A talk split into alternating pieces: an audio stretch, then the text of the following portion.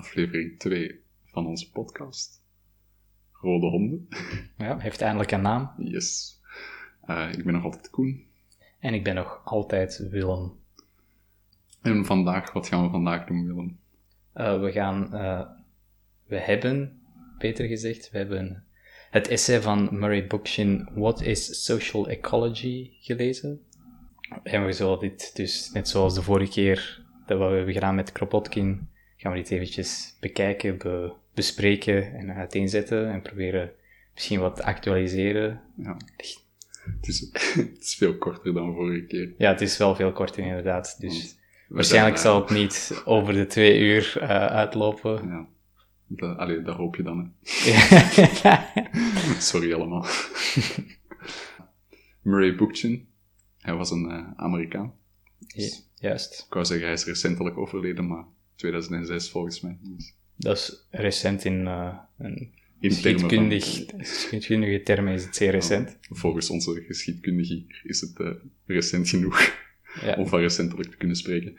Um, Murray Bookchin, hij was een zoon van twee Joodse Russen. Ja, Joodse Russische Joden. Immigranten, ja. Ja.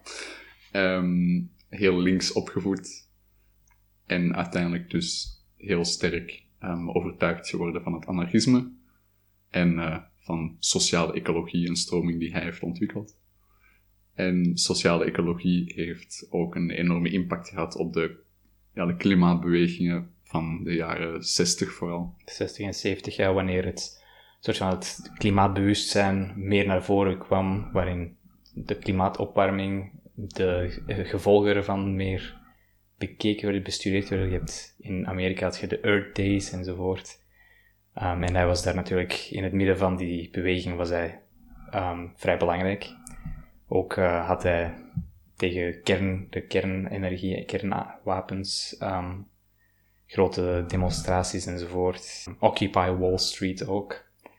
En ja, ook iets dat ja. hedendaags nog heel erg relevant is. Mm Ja, ook de um, Koerden in Syrië, Noord-Syrië, in Rojava, zijn heel erg geïnspireerd door zijn um, manier van organiseren eigenlijk. De sociale organisaties en politieke organisatie die hij heeft beschreven in zijn werken. Ja, en die vandaag de dag dus nog steeds worden toegepast. Ja.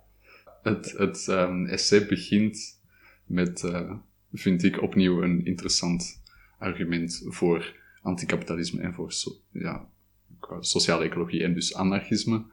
Um, want het zegt eigenlijk, ja, we zitten met een probleem, namelijk klimaatproblematiek. En de enige manier om die adequaat op te lossen is eigenlijk door een anarchistische samenleving na te streven. En dat is nogal een statement. en dus verder in zijn uh, essay probeert hij dan uh, dat verder uit te werken. Ja, en uh, zijn essay is zo gestructureerd, nogal ja, typisch kun je zeggen, van hij geeft eerst wat de stand van zaken van de, um, ja, in 1993, wanneer dit essay uitkwam, van de ecologie en de, uh, klimaat, het klimaatonderzoek en hoe we dat bekijken. En hij zegt eigenlijk dus waar hij vindt dat het een beetje de foute richting ingaat. En probeert het dan wat bij, bij te sturen door, het, door de ideeën te geven die hij had en daarbij ook stavingen te geven binnen uh, verschillende wetenschappelijke velden, zoals dus ecologie, maar ook geschiedenis en antropologie enzovoort, waarin die soort van probeert te, zijn ja, visie voor een sociaal-ecologische samenleving zowat probeert te, ja, te, te duiden. En op het einde geeft hij een soort van een sterk ja, manifestatie van een, een manifestatie van de um, de, zijn type zijn droomsamenleving eigenlijk, hoe, en hoe hij ziet dat dus die uh, klimaatcrisis, die ja, toch wel heel erg tekent, tekenend is voor onze tijd. En ik denk dat de 21ste eeuw is en zal een, uh, de eeuw van de klimaatverandering mm, zijn. Dat is het al en het zal blijven.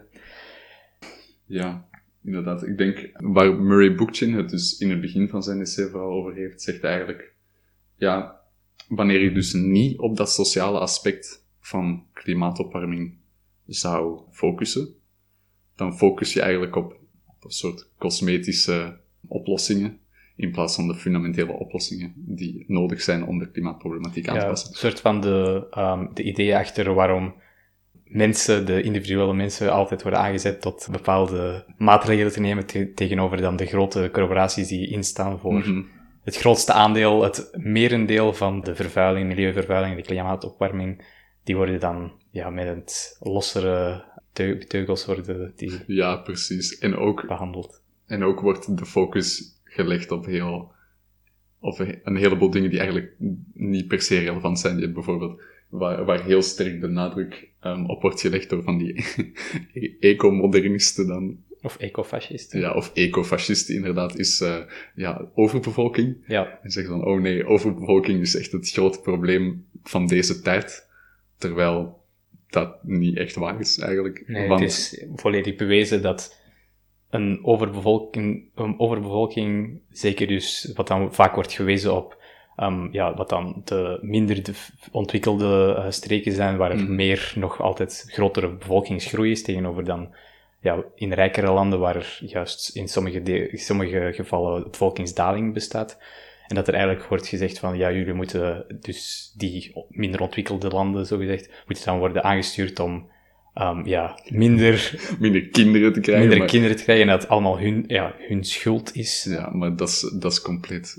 Ja, dat is echt volstrekt belachelijk. Het, Want het, is, het, zijn, het zijn juist die rijkere landen, zelfs waar nu de bevolking krimpt, die veel meer uitstoten, eh, consumeren dan die andere landen. milieuvoetafdruk. ja. Ja, dus het is belachelijk om te zeggen dat. Daarnaast ook, wij produceren nu vandaag de dag al, volgens mij was het voedsel voor 9 miljard mensen, Mhm. terwijl we maar met 7 miljard zijn. Dus het is niet per se, het zou niet per se een probleem zijn mochten we 9, met 9 miljard zijn nu al.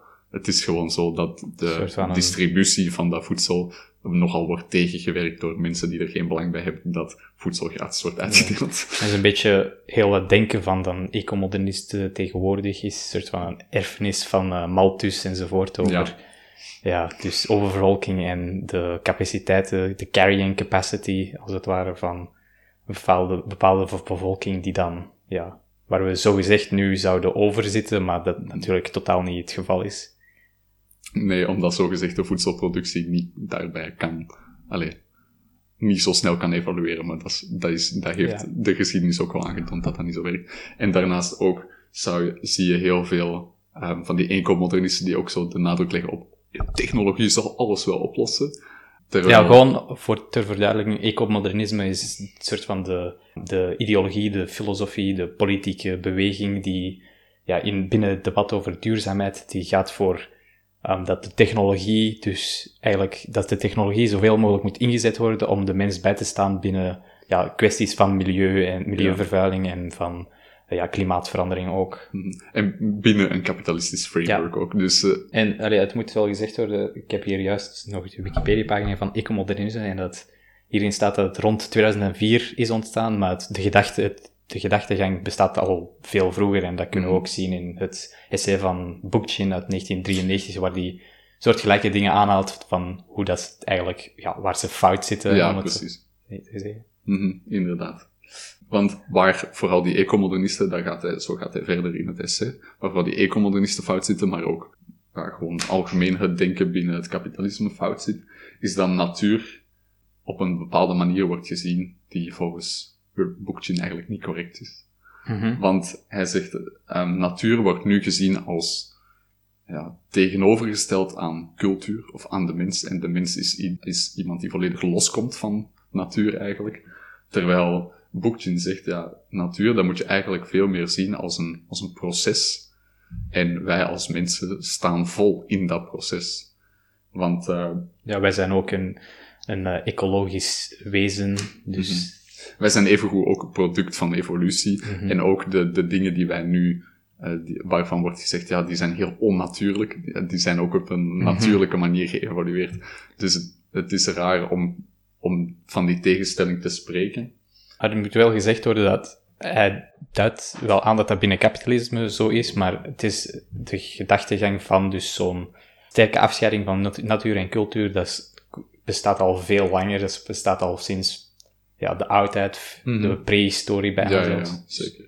Dus dat is eigenlijk een soort van een heel foute schakel is in gewoon algemeen menselijk denken, van dat Mhm. wij de natuur omzetten tot iets anders, tot Ja. iets niet natuurlijk en tot iets, ja, cultuur, wordt dan gezegd.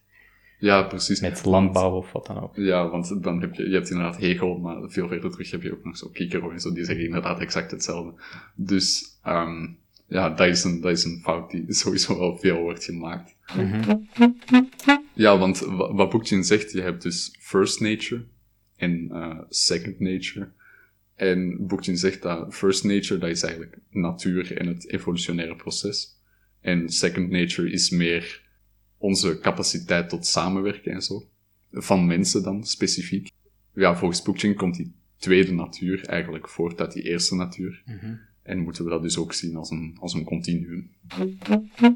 Hij heeft ook niet enkel tegen, eh, in zijn openings, ja, paragraaf, paragrafen, heeft hij het niet enkel natuurlijk tegen die ecomodernisme, want hij haalt dan ook soort van het helemaal het tegenovergestelde ervan aan.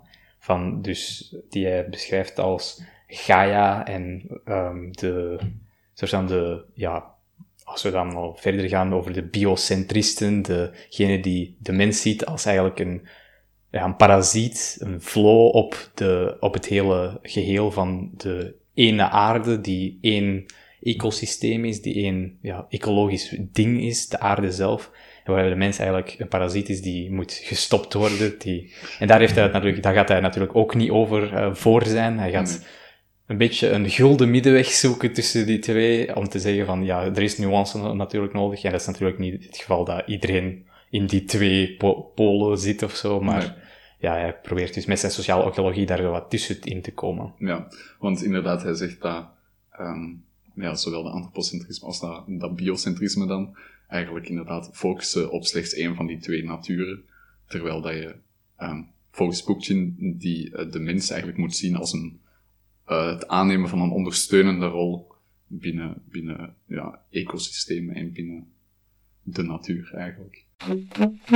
Dus Bookchin, die maakt dus die dat onderscheid tussen natuur en cultuur, ja, die zegt, en veel andere ecologen van die tijd enzovoort zeiden dat ook natuurlijk, eh, die zegt dus dat dat eigenlijk een, ja, niet bruikbaar is en niet echt overeenstemt met wat het de eigenlijke werkelijk- werkelijkheid is. En hij zegt daarbij ook natuurlijk dan dat, van, wat wij zien als je aan natuur denkt, dan denk je in je hoofd meteen aan het pittoreske, de prachtige bergen, eh, de mooie weiden met de, vl- met de dieren enzovoort. Ehm, en hij zegt eigenlijk, ja, dat is natuurlijk natuur, maar dat is iets heel, ten eerste heel erg ehm, immobiel, dus, en niet dynamisch. Ehm, en er is ook veel dynamische natuur, waaronder de samenleving, menselijke samenlevingen, maar ook bijvoorbeeld, ja, heeft het, gaat hij het ook hebben over ehm, de verschillende ja, patronen die dieren ook hebben. Niet enkel dus ja, mensen, dat ook een dier is natuurlijk, maar dan andere niet-mensen.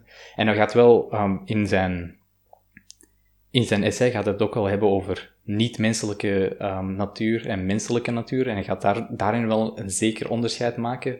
Maar dat is meer, ja, ik denk meer iets utilitair van, ja, om het duidelijk genoeg te maken waar, als hij het gaat hebben over gewoon het Amazonewoud, dat eigenlijk ook menselijk natuur is, gezien dat er mensen daar leven en daarvan ja, profiteren en daarvan dat gebruiken in een symbiotische relatie. Ja, klopt. Dat is zo zeker een interessante manier om daar naar te kijken, denk ik. Maar hij, hij gebruikt vooral dat, ehm, die kijk op, op natuur om daarna te gaan uitleggen hoe dat, hoe dat die tweede natuur eigenlijk uit die eerste natuur is voortgekomen. En hoe die tweede natuur er eigenlijk voor heeft gezorgd dat er, een, eh, dat er hiërarchie is ontstaan in onze samenlevingen. En uiteindelijk gaat hij ook dan nog eh, zeggen dat deze hiërarchie die is ontstaan, dat wij die uiteindelijk terug projecteren op die eerste natuur. Ja. En ehm, Dus hij gaat het ook hebben over dus patriarchie en al die dingen van, dat eigenlijk dus een, ja, een terug, een weerspiegeling is van die tweede natuur op de eerste natuur, dat we gaan zien van, de man is, ja, die moet wel van nature ehm, slimmer zijn, sterker, beter dan de vrouw, want ja, als we kijken naar de samenlevingen, meestal was de man daar de baas. Dus ja, ja, inderdaad.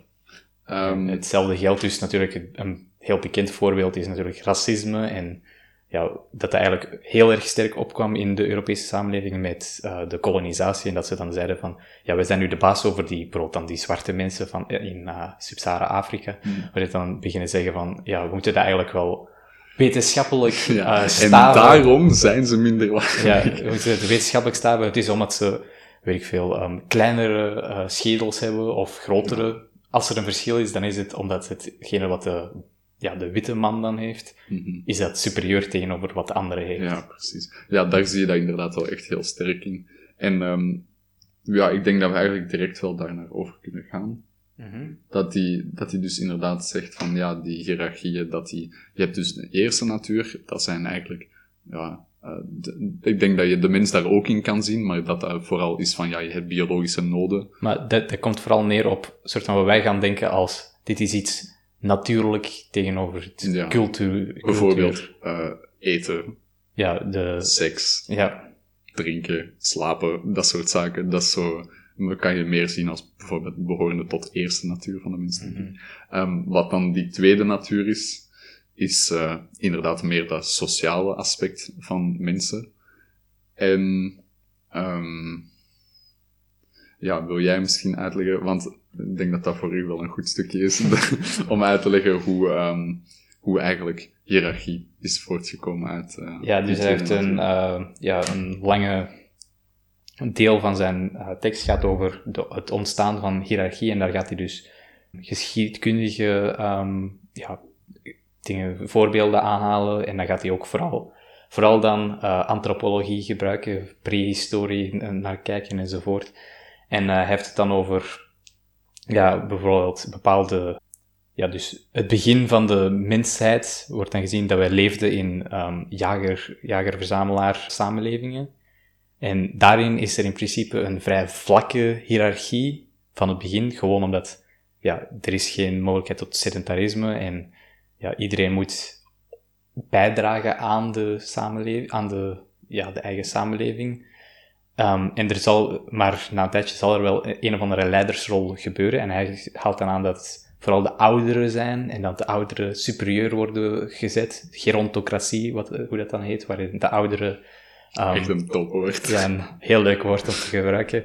Maar dus de gerontocratie, waarin dus de ouderen de baas gaan spelen. En, en daarin gaat hij al meteen, dus Bookchain gaat al meteen dus die, dat verschil tussen eerste en tweede natuur zien en zeggen van, ja, we gaan eigenlijk die tweede natuur terugprojecteren op de eerste natuur, van te zeggen van, ja, de ouderen, die zijn superieur, of die, zijn, die zijn, hebben het verdiend om de leider te zijn, omdat ze, ja, ze zijn ouder, ze hebben meer wijsheid, of wat ze ook gaan zeggen, of dat nu waar is of niet, dat maakt niet echt uit. Mm -hmm. Of dat nu echt, echt zo is dat ze wijzer zijn. Ze zijn natuurlijk wel vaak erva meer ervaren, mm -hmm. maar ja.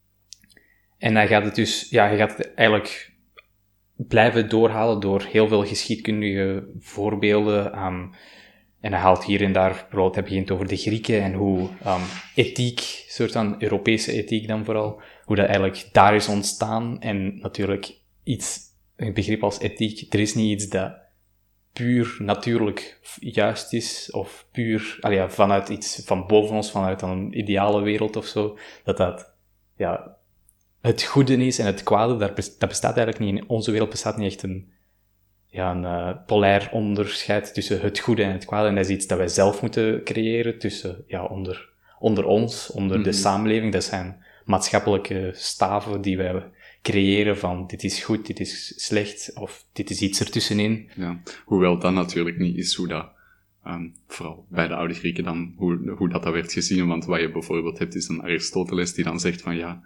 de binnen de menselijke natuur heb je zoiets als een gouden middenweg tussen twee deugden. En dan heb je dus deugdethiek. En dat is een manier van dus om te gaan met andere mensen in een samenleving. En volgens Aristoteles is die dan natuurlijk.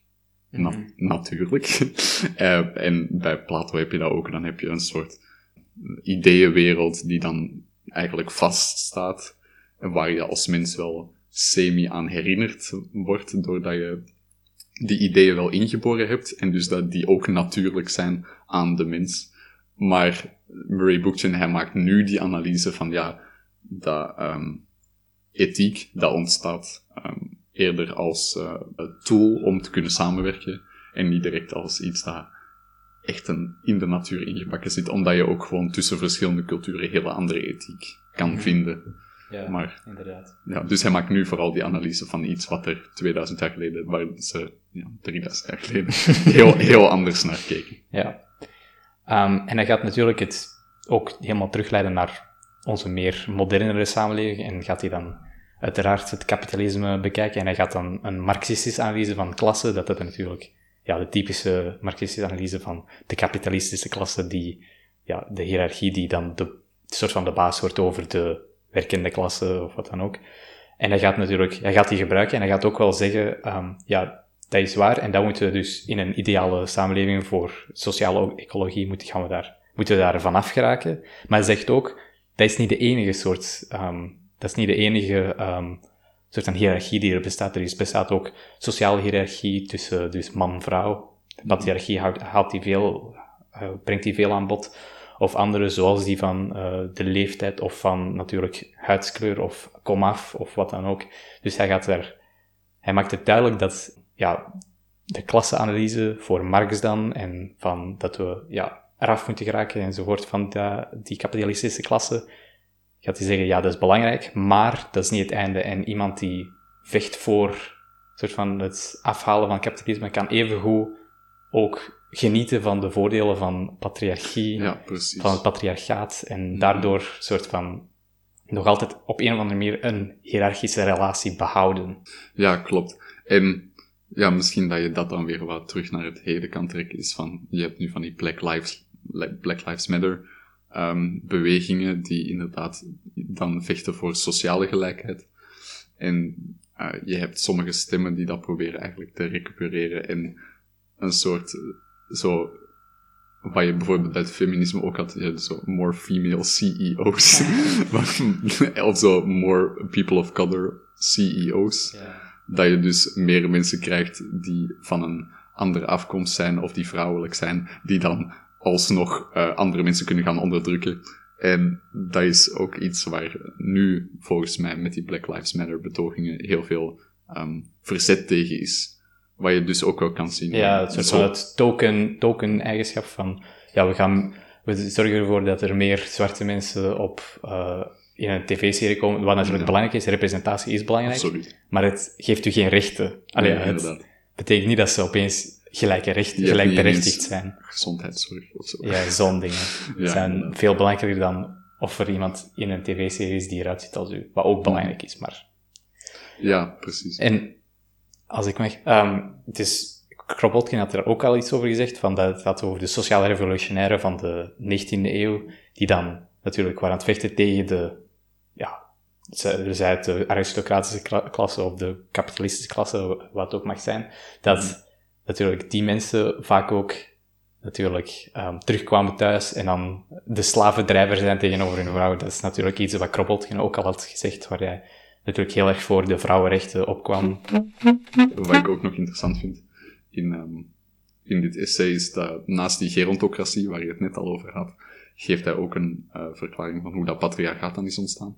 En daarbij zegt hij eigenlijk dat um, inderdaad, je had eerst een heel egalitaire organisatie van de samenleving, waarbij ook er genderdistincties waren, maar die eigenlijk heel erg egalitair bestonden. Dus je had... Ja, die puur biologisch waren van, ja, mm -hmm. je hebt dit geslachtsdeel en je hebt dit geslachtsdeel. Ja, bijvoorbeeld. En, maar ook, um, bijvoorbeeld, de man houdt zich bezig met um, het veehoeden en de vrouw houdt zich bezig met het um, sprokkelen van voedsel en hout en zo, dat soort zaken. Um, maar volgens Bookchin is er dan door een uh, groeiende populatie en een steeds groeiende nood aan um, bescherming van buitenaf, is er eigenlijk een soort, is een belang veel meer komen te liggen op taken die vaak door mannen werden uitgeoefend, zoals het beschermen van de gemeenschap, uh, het voeren van oorlog en dat soort zaken. Uh, waardoor dat je dus eigenlijk, waardoor mannen dus veel meer macht kregen en eigenlijk de vrouwen verdrongen uit hun eigen domeinen. Mm-hmm. En zo eigenlijk een hiërarchie ook konden installeren, die um, gedeeltelijk uit noodzaak dan in dat begin voortkwam, maar nu veel meer ja, eigenlijk is vastgeroest en nu... Ja, vanuit die tweede natuur naar de eerste natuur bijna is overgezet. Mm Inderdaad, dat, dat is dan gebeurd door die tweede natuur, omdat dat qua samenwerking op dat moment handig was. En dat is inderdaad nu zo helemaal geprojecteerd op die eerste natuur. Van ja, doordat je ziet dat mannen sterker zijn, dit en dat, dan eh, ja, hebben ze daar eigenlijk een soort um, verklaring gegeven voor iets dat gewoon op een bepaald moment in de geschiedenis is gebeurd. En al die zaken die zijn nog ja, verergerd, versterkt geweest door de opkomst van landbouw en de, um, ja, het sedentarisme dan, van mm. wanneer de nomadische samenlevingen meer ja, dus vastzitten, gaan blijven wonen ergens. Ja, waarbij ook dus voor zo bijvoorbeeld dat sprokkelen van voedsel dan weer weinig, alleen daar was weinig nood aan, want je had dan die landbouw en daardoor krijg je dus ja, vastgeroeste patriarchale systemen. Die natuurlijk niet universeel zijn, want er bestaan wel zekere uh, ja, gelimiteerde samenlevingen waar dat bijvoorbeeld niet het geval was voor een lange tijd. Maar... Ja, er is, er is inderdaad echt een, dat is echt een super interessant boek. Law as a Refuge of Anarchy van Herman Amborn. Dat is een um, boek waarin, dat is van een antropoloog die eigenlijk onderzoek heeft gedaan naar volkeren in de uh, hoorn van Afrika. En die stammen die organiseren zich op zo'n manier die eigenlijk um, volledig geen hiërarchie heeft. Die hebben helemaal structuren ontwikkeld binnen de staat waarin dat ze leven. Vooral bijvoorbeeld Ethiopië, dat is wel gewoon een staat zoals die nu bestaat. Maar daarbinnen hebben die eigenlijk een volledig hiërarchieloos systeem ontwikkeld.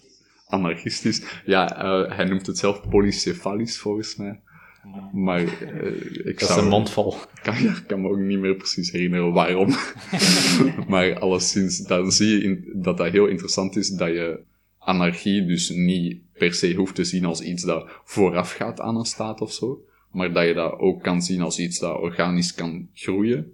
Uh, en dat je dus niet per se voor een, voor een hiërarchische staat Allee, daar per se uitkomt of zo. Dat is niet eens een noodzakelijkheid. Hij zegt inderdaad ook dat um, dat het inderdaad vrij logisch is dat je zou, dat je eigenlijk wilt dat iedereen kan genieten van het onderdrukken van die natuur. En dus dat je ecomodernist wordt of ja, ecofascist, dat is niet logisch of zo, dus laat dat maar. Maar dus dat het wel begrijpelijk is dat je mensen hebt die zeggen van ja, vooruitgang op dat vlak is heel belangrijk, zodat iedereen kan genieten van het onderdrukken van die natuur. Maar um, ja, dat is natuurlijk voor, die, voor ons aller welzijn als we niet willen doodgaan van uh, ja, hongersnoden of stijgende zeeniveaus of dat soort zaken, dan is dat natuurlijk niet echt opportun.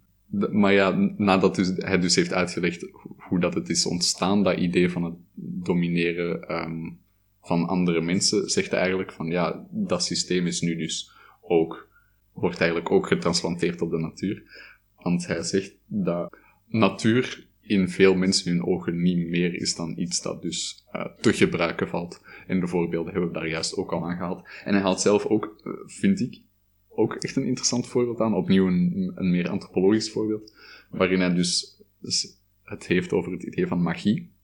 Namelijk dat in minder hiërarchische samenlevingen, dat je um, een ander soort magie hebt dan, dan samenlevingen die meer een hiërarchische structuur hebben. Want de magie in die niet-hiërarchische samenlevingen, dat gaat eerder over een dialoog aangaan met de natuur, om zo dus misschien tot een overeenkomst te komen. En soms werkt het, soms werkt het niet. Uh, soms krijg je iets en soms krijg je het niet. Terwijl, terwijl de um, magie, zoals die in meer hiërarchische samenlevingen bestaat, wordt echt alleen maar gezien als uh, een gereedschap, dus een tool om te kunnen krijgen wat je, wat je wilt.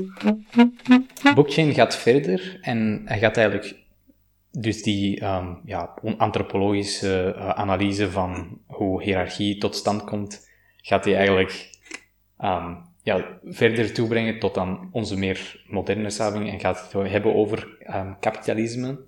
En vooral dan onze uh, hedendaagse neoliberale ja, ideologie waarin groei, uh, economische groei eigenlijk voorop wordt gesteld voor alles. En dat economische groei wordt samengesteld met um, ja, sociale welvaart. Wat niet altijd het geval is, wat eigenlijk niet het geval is. Economische uh, groei is vooral welvaart voor de bovenste klasse, voor de rijksten. En ja, dus hij gaat dus die groei dus bekritiseren, dus dat idee naar, dat streven naar constante groei, want dat streven naar constante groei heeft ons tot een situatie gebracht waar we nu in zitten van, ja, kapitalisme eigenlijk het klimaat tot om zeep helpt en uh, niet echt lijkt te willen stoppen, niet, niet echt lijkt te kunnen stoppen, zonder, ja, hevige um, onderbreking, zonder echte ja, verandering, echte verandering. Mhm. Niet gewoon regulering, maar echte sociale, politieke verandering. Um, en ja, dit is een beetje terzijde en dat is een soort van tegenover dan het ecomodernisme bestaat er tegenwoordig een belangrijke beweging van degrowth, dus décroissance in het Frans. Um, en die zijn me meer anticapitalistisch gericht natuurlijk. En die gaan dus, dus hetzelfde eigenlijk zeggen van, ja, die groei, dat streven naar die groei, waarom, dat is niet nodig. We kunnen, we moeten gaan voor welvaart zonder groei. Dus niet met inkrimping, maar we houden het op een stabiel niveau van welvaart zonder dus die groei. Mm en dat gaat, geldt natuurlijk dan voor de ja, rijkere landen, voor de, het Westen, om het zo te zeggen, want er zijn bepaalde streken waar groei wel nodig is voor echt de allerarmste van de wereld ja, bovenop te, te helpen. En dat is eigenlijk een beetje een probleem met het hedendaagse discours, als je het zo wil zeggen. Dat um, ja, groei, dat dat wordt tegenover, gelijkgesteld dus met sociale welvaart van, ja, als er geen groei is, dan heb je niet meer mensen die uit de, uit de armoede geraken of zo. Wat in onze, in dan België of Nederland, is dat niet echt het geval. Daar kan je makkelijk degrowth, denk ik dan. Natuurlijk, dat is theoretisch allemaal, het is niet... Mm Ja, maar theoretisch, maar wel redelijk. Allee, als je kijkt, ja, je kijkt naar hoe het er vandaag aan toe gaat. En dat is inderdaad iets Um, je hebt dus die vooronderstellingen die totaal niet meer in vraag worden gesteld in... En dat is heel gevaarlijk natuurlijk. Je moet altijd, altijd alles kunnen kritisch kunnen bevragen en hmm. ja, te zoeken, om te zoeken eigenlijk naar de, ja, tussen aanhalingstekens, de perfecte um, ja, samenleving, de perfecte oplossing. Hmm. Dat moet altijd gezocht worden. Ja, maar nu is het eerder zo van, there is no alternative. moet, ja, ik, ik heb al heel vaak het argument gehoord, kapitalisme is geen perfect systeem, maar het is het beste dat we hebben. Ja, maar dat is uh, volstrekt belachelijk. Natuurlijk, allee, ja, het is waar... Droggereden van formaat. Uh, het is waar dat het beter is dan feodaliteit. Oké. Akkoord, beter dan Stalinisme, oké. Okay. Allee, ja, daar zullen we het mee eens zijn, maar natuurlijk, dat betekent niet dat er niet, niet een beter alternatief bestaat of kan bestaan of kan gecreëerd worden. En... Ja, het is, ja dus er zijn zoveel makkelijke voorbeelden om gewoon aan te tonen dat dat gewoon een rare redenering is. Bookchin die gaat dus het hebben in zijn um, Grow or Die paragraaf, zoals de, de subtitel het heet, um, gaat hij het hebben over, natuurlijk, gaat hij weer kritiek hebben over dan de grote um, ja, de grote vervuilers van de samenleving. Dat zijn de gigantische multinationals en de grote corporaties.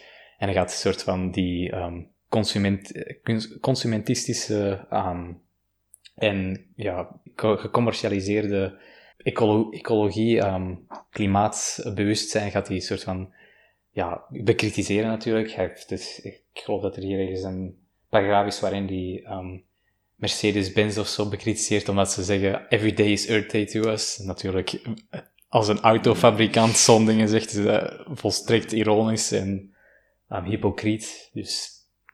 Ja, inderdaad. En, maar je ziet ook heel erg dat de focus daar nu op wordt gelegd van, ja, jij als individu moet uh, zo ethisch mogelijk leven.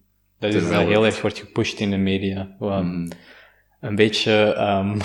ja, dat, dat zijn niet de grootste vervuilers. Nee, natuurlijk niet. Um, Ik hoop dat, en dit kan helemaal fout zijn, maar 71% van de broeikasgassen is door de 100 grootste bedrijven ter wereld gecreëerd of zoiets. Belachelijk. Dus in principe, als mensen een autoloze zondag inlassen en elke zondag zonder auto zitten, dat gaat heel weinig doen. Ja, precies. Tegenover als die grote bedrijven echt stoppen met, of zoveel mogelijk limiteren die, um, ja, die broeikasgassen ja. uitstoot enzovoort. Maar ja, Dat is iets dat heel moeilijk is te doen binnen een kapitalistische samenleving, waarin natuurlijk die streven naar ja, groei, naar um, profits, Ja. waar eigenlijk, ja, dat is het hoofddoel. En als het, als het milieu in de weg staat, dan maakt dat niet uit. Dan moet je daar gewoon doorgaan. Moet je, Mhm. Ja, kapitalistisch systeem ook, waar alles uw eigen schuld is. Hè? Alles is persoonlijke verantwoordelijkheid. Jij bent persoonlijk verantwoordelijk voor eh, klimaatopwarming, maar dat is, eh, ah ja, dat is gewoon, op, gewoon niet waar. Ja, en dus alweer die overbevolking, dat is alweer eigenlijk de schuld leggen bij armeren tegenover de rijkeren, die eigenlijk de schuldigen zijn. En dat is Ja. vrij goed bewezen al. Dus Inderdaad. Ja, dat is dus wat Boekchin eigenlijk ook verder nog zegt in dit, eh, in dit stuk. Hij heeft het erover dat het kapitalisme eigenlijk fundamenteel immoreel is.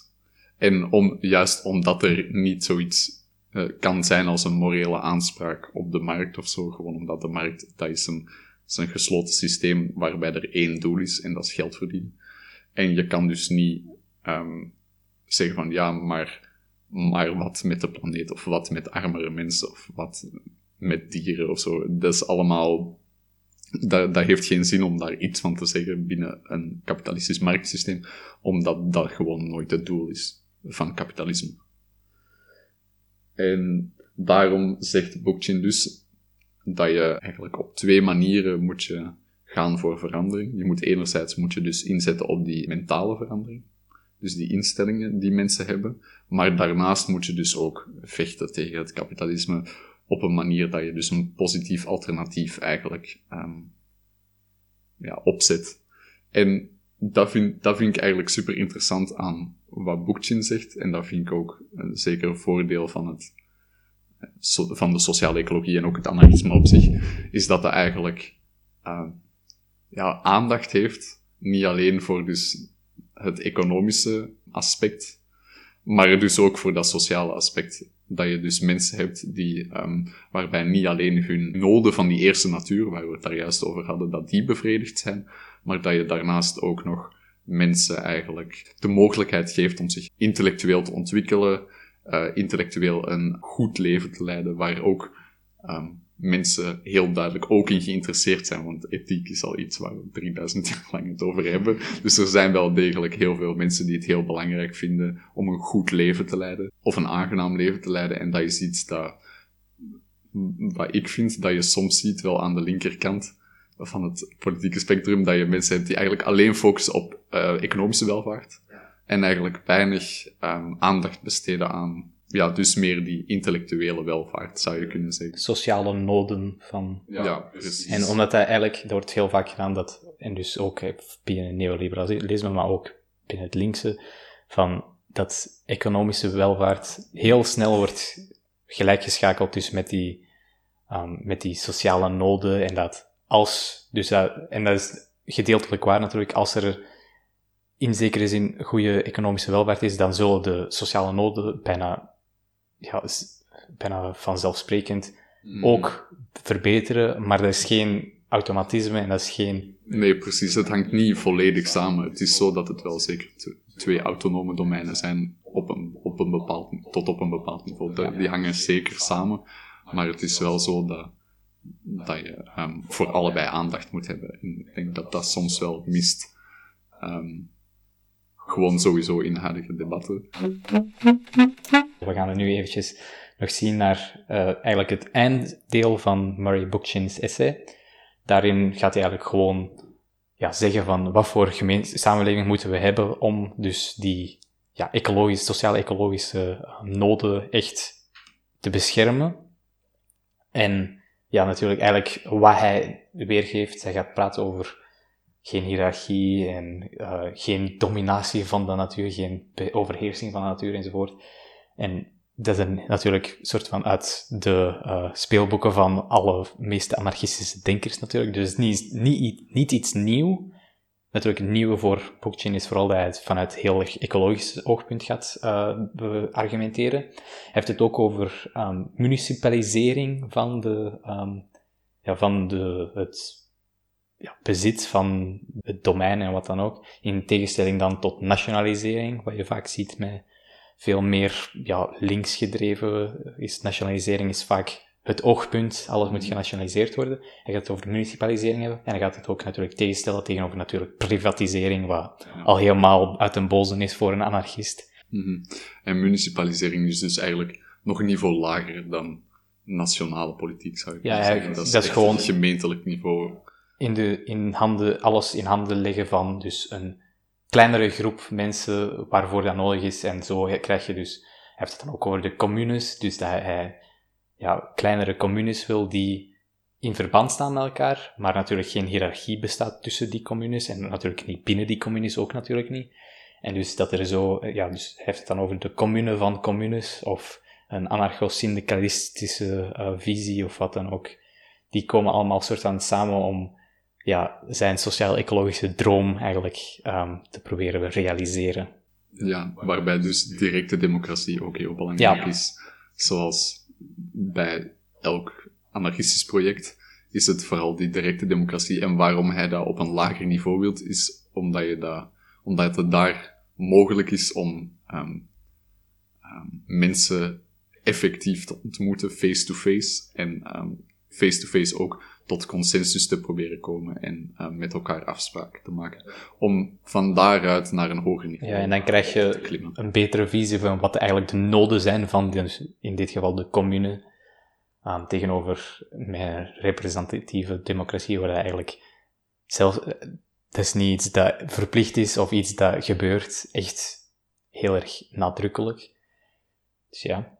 Maar goed, dan, eh, daarmee is, hebben we eigenlijk het een beetje gehad met eh, meer in zijn essay. En wat zijn zo jouw gedachten over het algemeen? Ehm, ja, ik, ik, vind het echt ik vind het een heel interessant essay, omdat het inderdaad dus dat, dat ecologische idee eh, heel sterk meeneemt in zijn, ehm, in zijn beschrijving van wat er moet gebeuren. Daarnaast vind ik ook, ja, dat einde, dat is redelijk standaard, denk ik, voor eh, een anarchistisch... eh, Het is iets wat je zou verwachten van als je weet, dit is een anarchistische schrijver, hier gaat hij het waarschijnlijk over hebben. Het zou verrassend zijn geweest als hij ineens zou pleiten voor een world government. of zo, maar, wat, je dus, ehm, wat ik dus inderdaad ook heel interessant vind, is dat hij die ehm, distinctie tussen eerste en tweede natuur maakt.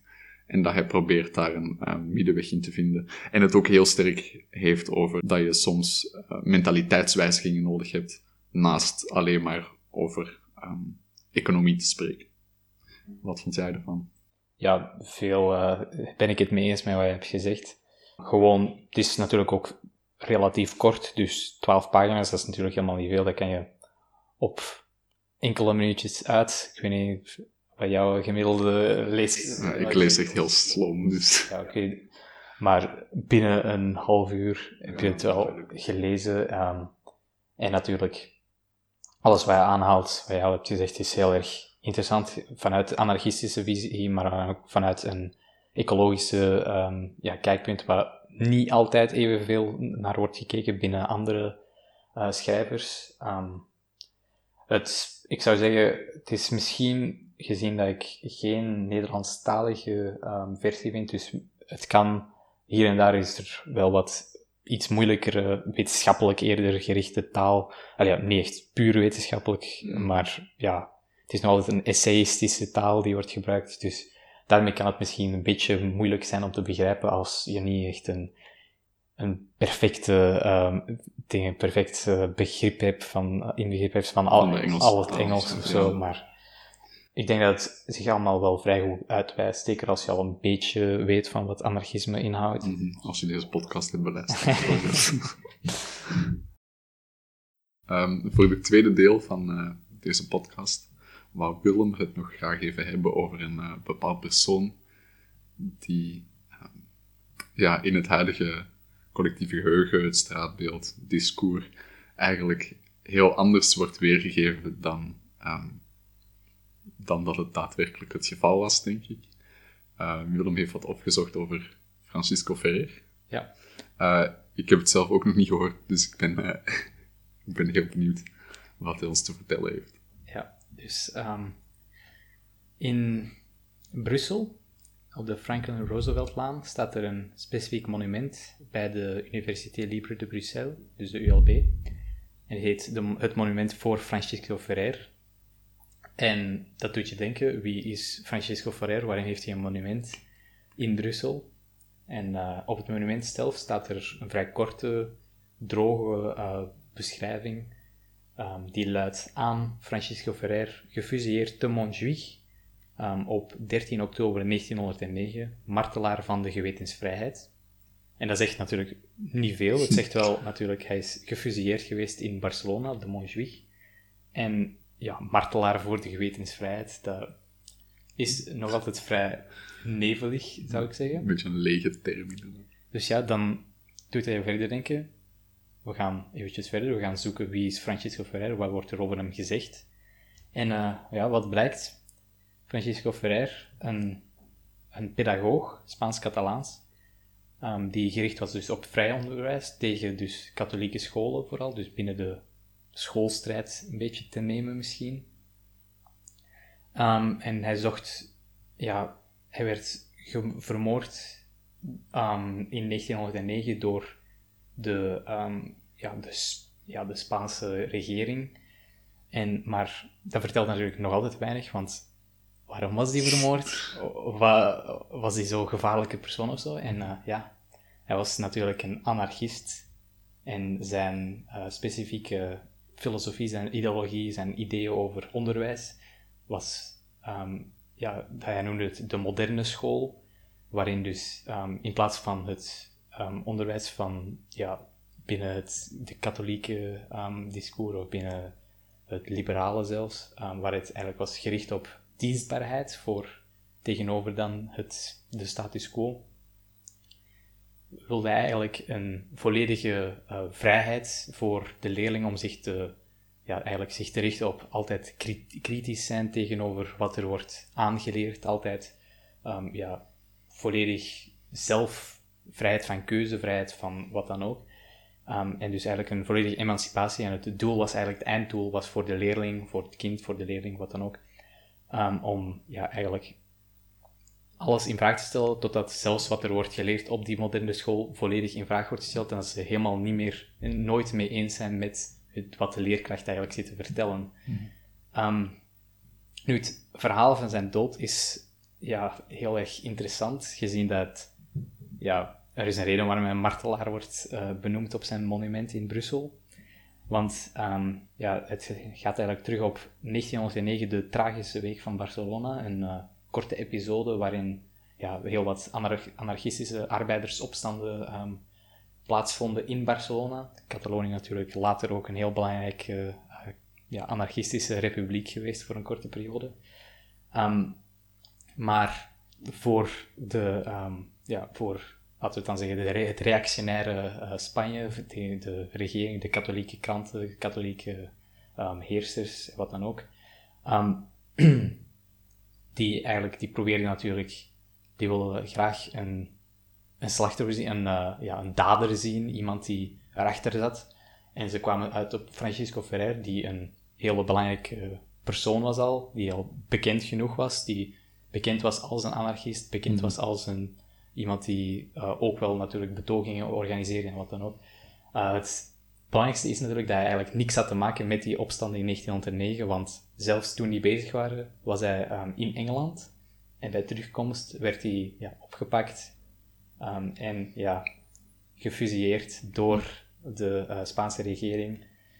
Um, het verhaal van dan hoe eigenlijk dat monument in Brussel is, eh, staat, of waarvoor het eigenlijk moet dienen, waarvoor het staat echt. Ja, want hij was een, hij was een Spanjaard, dus dan zou je ja, denken, hoe komt hij in België terecht? Nogal, het is een interessant um, verhaal. Het is eigenlijk, het verhaal gaat dat Francisco Ferrer in zijn testament zelf had gezegd dat hij niet wilde, geen enkel eerbetoon aan zou willen hebben als hij, mocht hij, hij zou hij sterven, want hij wist dat hij geen sterven werd gefuseerd. Hmm, iedereen sterft ook uiteindelijk. Dus, uh... Ja, natuurlijk. Um, maar een uh, organisatie, La Libre Pensée, de vrije, ja, vrije gedachte in het Frans, die, uh, ja, die, die vaardigen meteen het monument uit. Het is geen standbeeld, want de persoon die wordt afgebeeld kan opgezocht worden.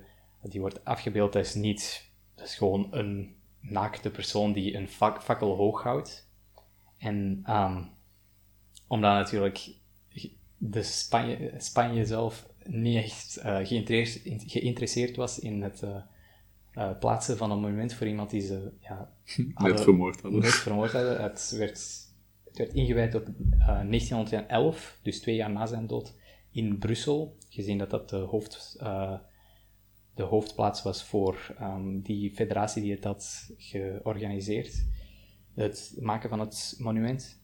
Maar het geeft nog altijd niet echt de, um, ja, de reden ah, waarom er nergens staat waarom die, dat hij een anarchist was en heel erg ja, radicaal was en nog altijd radicaal zou bevonden zijn. Mm um,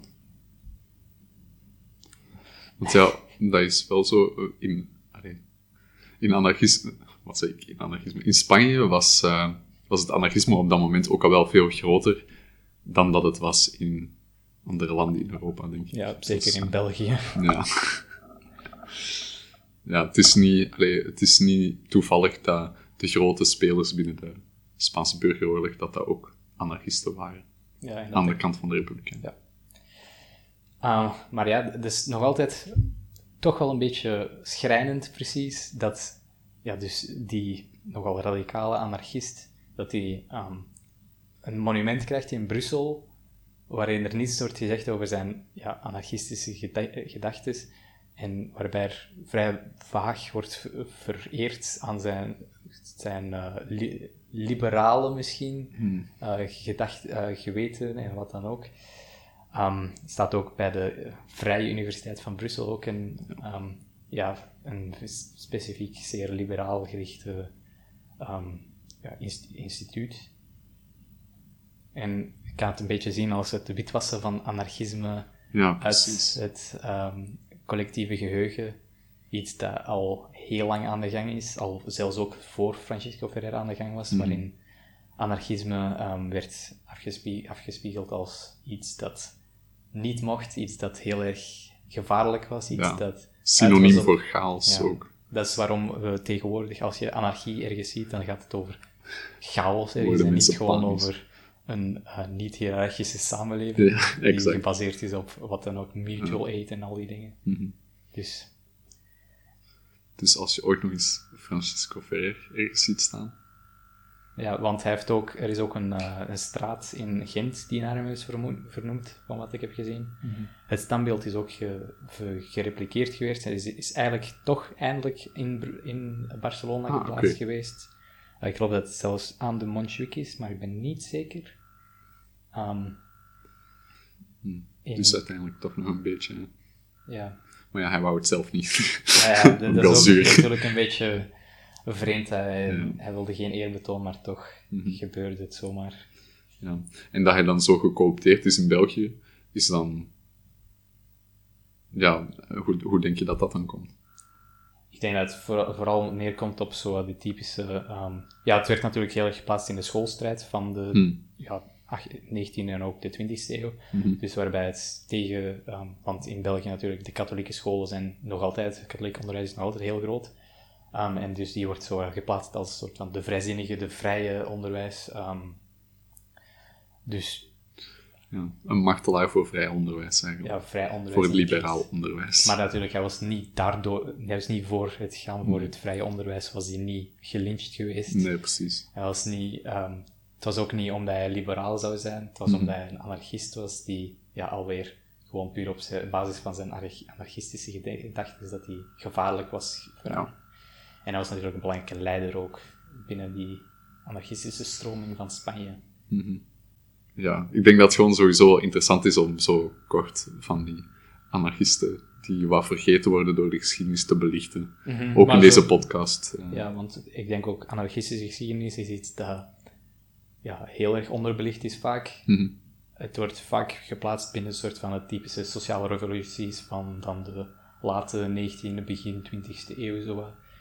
Uh, maar die worden vaak zo onder de mat geschoven om dan, als je het over de sociale revolutie gaat hebben, dan ga je het over marxisme hebben of Mhm. over, ehm, ja, nog later dan de Leninisten. Ehm, en dan ga je het niet hebben over anarchisten, ehm, ook al zijn er genoeg anarchistische revoluties geweest, Ja, tegelijkertijd naast die van de meer marxistisch gerichte ehm, Ja, ik denk inderdaad, als we ooit een jubileumaflevering krijgen, dan is misschien de Spaanse burgeroorlog wel een goede om te doen. maar ja, Omdat dat, ja, dat is inderdaad iets waar, waar ik merk dat ook eh, zo gewoon weinig aandacht aan besteedt. Ja. Sowieso. Terwijl dat wel een heel, volgens mij, een heel interessante periode is. met deze weet je dus wie Francisco Freire was, een beetje toch. Ehm, waarom er een monument voor hem staat, waarom hij is gefusilleerd geweest. Mhm.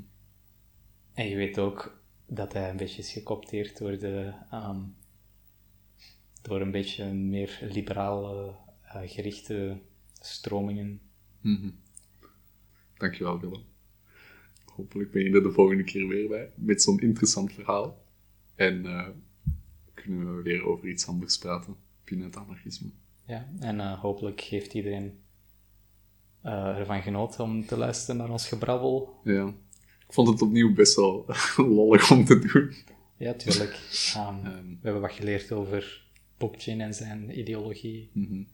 En ook dat Ferrer een anarchist was. Ja, Prachtig. Tot de volgende keer, Willem. ja dag. Bye.